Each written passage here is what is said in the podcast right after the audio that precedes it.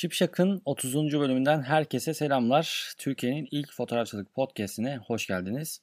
Fotoğraf ve fotoğrafçılıkla alakalı bilinmesi gerekenleri bu programda bulabilirsiniz. Geçtiğimiz programda kusursuz fotoğraf çekmekle alakalı bilgiler verip kusurlu diye nitelendirilen fotoğrafların ne olduğunu anlatmıştım.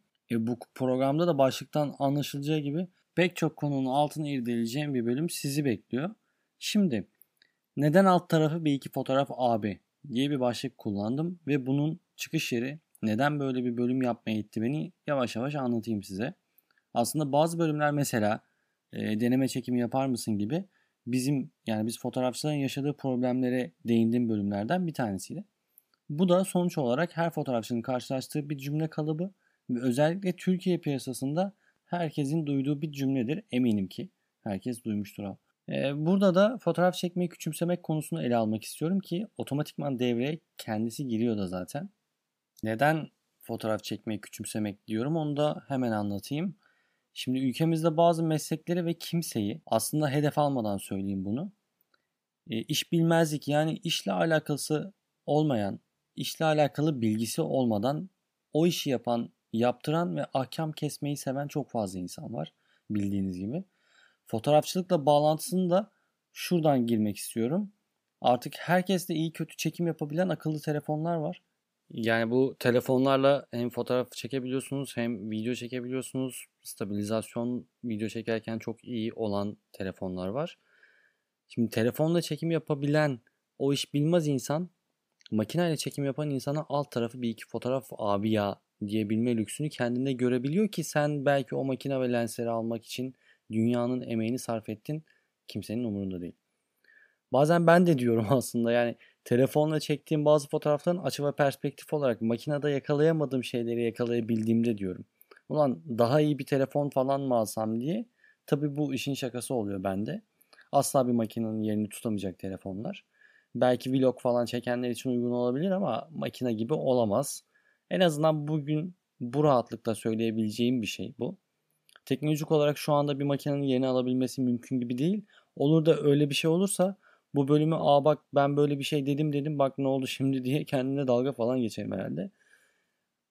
O işte alt tarafı bir iki fotoğraf abi diyen kişiler bu işin ön ve arka planlarında neler yaşadığınızı asla bilmiyorlar.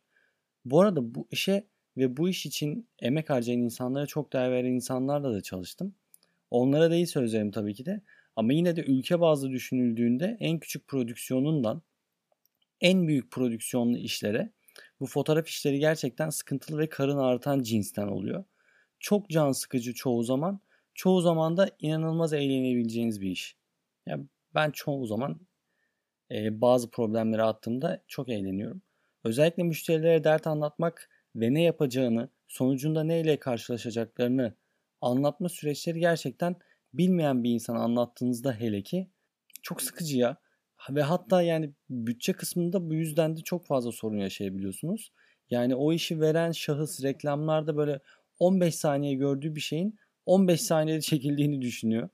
Bunun için de hani fotoğrafa da deklanşöre bastığında işin hallolduğunu sanıyor. Bu yüzden zaten tüm bu sıkıntıları yaşıyoruz. Yurt dışında her şey o kadar disiplin ilerliyor ki e, bir proje için en az 3 ay öncesinden her bir ayrıntı hazırlanıp çekim günü geldiğinde sorunsuz ve sıkıntısız bir iş çıkartılabiliyor. Her işe ve emeğe verilen değer sayesinde oluyor bence bu işler de. E, ama ülkemizde maalesef bir iş yapılacaksa özellikle büyük prodüksiyonlu işlerde bile son bir hafta kala proje belirlenip son bir iki güne çekim sıkıştırılıp ve üstüne bir de o işlerin kusursuz olmasını bekleyip Aynı zamanda çekimin hemen ertesi günü teslim edilmesi bekleniyor ki bu çok büyük bir saçmalık. Yani burada da eğer sizden sadece fotoğraf değil aynı zamanda video da istendiğini bir düşünsenize. En az 3 haftalık çekim yapılması gereken bir projede bir haftada minimum bu arada bak minimum bütçelerle iş yaptırıyorlar.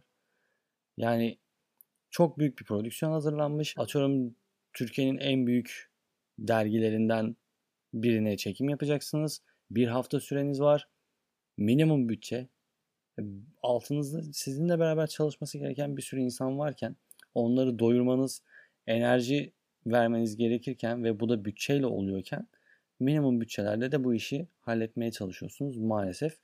Bakın ben anlatırken yoruldum ki bunu yapan büyük isimler var ülkemizde. Bir de o büyük katlardan alt katlara doğru inince ki o katlardayım ben kaos. Kaotik ortamlar, kaotik istekler her şey o kadar ütopik geliyor ki bana ve şöyle düşünüyorum otomatikmen. Asla benim başkasına söylemeyeceğim isteklerle karşı karşıya kalıyorum. Yani insanlar bunları senden isteyip üstüne bir de para vermemeye çalışıyorlar sana. Mesela bunlardan biri gün içerisinde atıyorum dış çekimdeyim ben. Beni arayıp abi iki tane ürünüm var getireyim hemen acil çek diyenler çok acil yani. İvedi bir şekilde çekilmesi gerekiyor neyse o. Burada uyguladığım yöntem acil işler için tek kare ürün çekimi için elimde bulundurduğum mevcut işi aksatıp onun da maliyetini acil iş isteyenin maliyetine eklemek kardeşim. Yani bu kadar basit.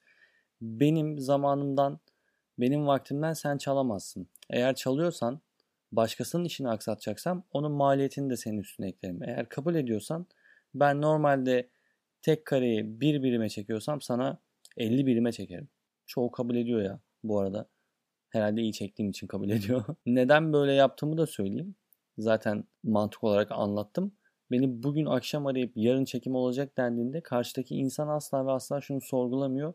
Müsait misin? Hayır. Müsait değilim.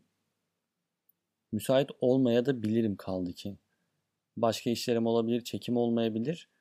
Bu ya herhalde ülkemizde e, yine hep böyle ülkemizde ülkemizde diyorum ama iş etiki iş ahlakı diye bir şey var ya bu insanlarda oturmadığı için bence bunlarla karşılaşıyoruz biz. Ee, şöyle bir şeyle de karşılaşmıştım. Madem karşılaştığım şeyleri anlatıyorum. Ee, bir yerden birisi yazmıştı bana bir internet sitesinden. Ellerinde yaklaşık 300 tane ürün var. 300 tane ürünü çekimi için benden fiyat almak istiyorlar. Fiyatımı verdim. Ee, karşıya gitmem gerekiyordu. Ben Anadolu yakasında oturuyorum. Avrupa yakasına gitmem gerekiyordu ve Avrupa yakasına giderken de yol ücreti bilmem ne falan her şeyi ben verdiğim bütçenin içerisine ekliyorum zaten. Ama benim malzemelerim, ışıklarım, işte biliyorsunuz fonlar falan çok ağır yüklü şeyler. Karşıya gideceğim okeyleştik. Ama tek bir konuda okeyleşemedik para. Parada da şöyle bir sıkıntı yaşadık. Meğerse bu iş isteyen, 300 tane ürün çektirmek isteyen insanların sadece 300 TL gibi ütopik bir rakama yani o rakamda bütçeleri varmış ve bize gelip sadece 10 tane ürün için çekim yapabilir misiniz? Ya da 5 tane ürün için çekim yapabilir misiniz gibi bir şey söylediler bana. Yani siz dalga mı geçiyorsunuz ya? Gerçekten ben 300 lira için Anadolu yakasından Avrupa yakasına elimde dünyanın malzemesiyle sadece yol parasına 200 lira verebileceğim bir şey gelebilecek mantıkta bir insan mıyım sizce? Sizce bunu yapabilecek insanlar var mı? Sorusuna geldiğimde de evet varlarmış ya. Varmışlar. varlarmış dedim ya o kadar sinirlendim demek ki. Varlar bu insanlar ve bunlar da şöyle bir algı oluşturuyor insanlarda. Abi bu iş 5 TL'ye çeken insanlar var ya. Sen nasıl o fiyatları çekiyorsun? Ya kardeşim bak ben bu işi 5 TL'ye yaparsam ben hiçbir şey kazanamam. Bütün her şey benim maliyetim olur zaten. Ve üstüne üstlük ben sana para vereyim istiyorsan çekim yaptığım için. Ne dersin bu fikre? Ve buna da okey diyecek insanlar var maalesef. Şimdi öyle bir denetimsizlik var ki bu iş piyasasında, fotoğrafçılık piyasasında herhangi bir şey denetlenmediği için, herhangi bir şeyin sabit bir kuralı, sabit bir fiyatı olmadığı için herkes kafasına göre iş alabilmek için 1 liraya çekim yapıyor. 2 liraya çekim yapıyor, 3 liraya, 5 liraya. Artık onun birimini şu anda anlatmıyorum. Normalde belirlenen bir rakam olsa onun altına inmemen gerekiyor ki biz de mesela ülkenin ekonomisinden etkilenen insanlar olarak kendi kendimize bir şeyler yapabilelim.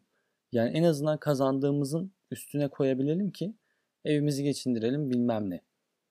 Şimdi bunların bütün hepsinin toplamında şöyle bir şey de oluyor. Mesela önüme reklamlar düşüyor. Ee, normalde benim yüzüne bile bakmayacağım fiyatlarda işler insanlar o fiyatları veriyorlar. Ve olağanüstü video da çekiyor, fotoğrafta veriyor. Fotoğrafların orijinallerini, dijitallerini her şeyini teslim ediyor.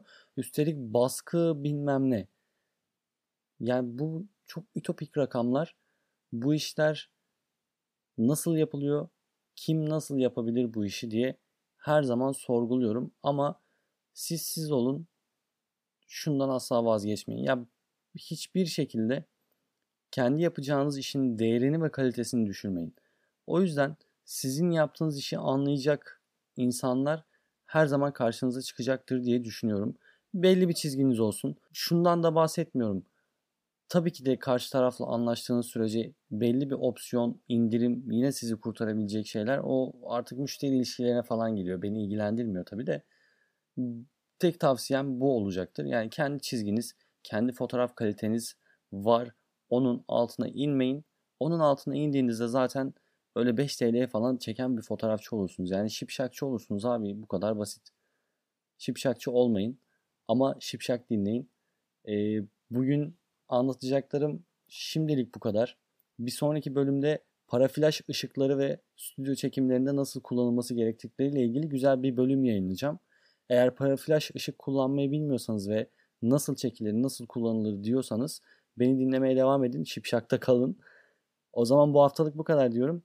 Umarım geçen hafta da söylediğim gibi fotoğraf çekme konusunda istekleriniz ve bilgileriniz bu program sayesinde daha da artıyordur. Işığınız bol olsun diyorum ve beni UG Sipsakpot Instagram adreslerimden ikisi de ayrı bu arada takip edebilirsiniz. Soru ve önerileriniz için de sipsakpot.gmail.com adresini kullanabilirsiniz. Bay bay kendinize iyi bakın.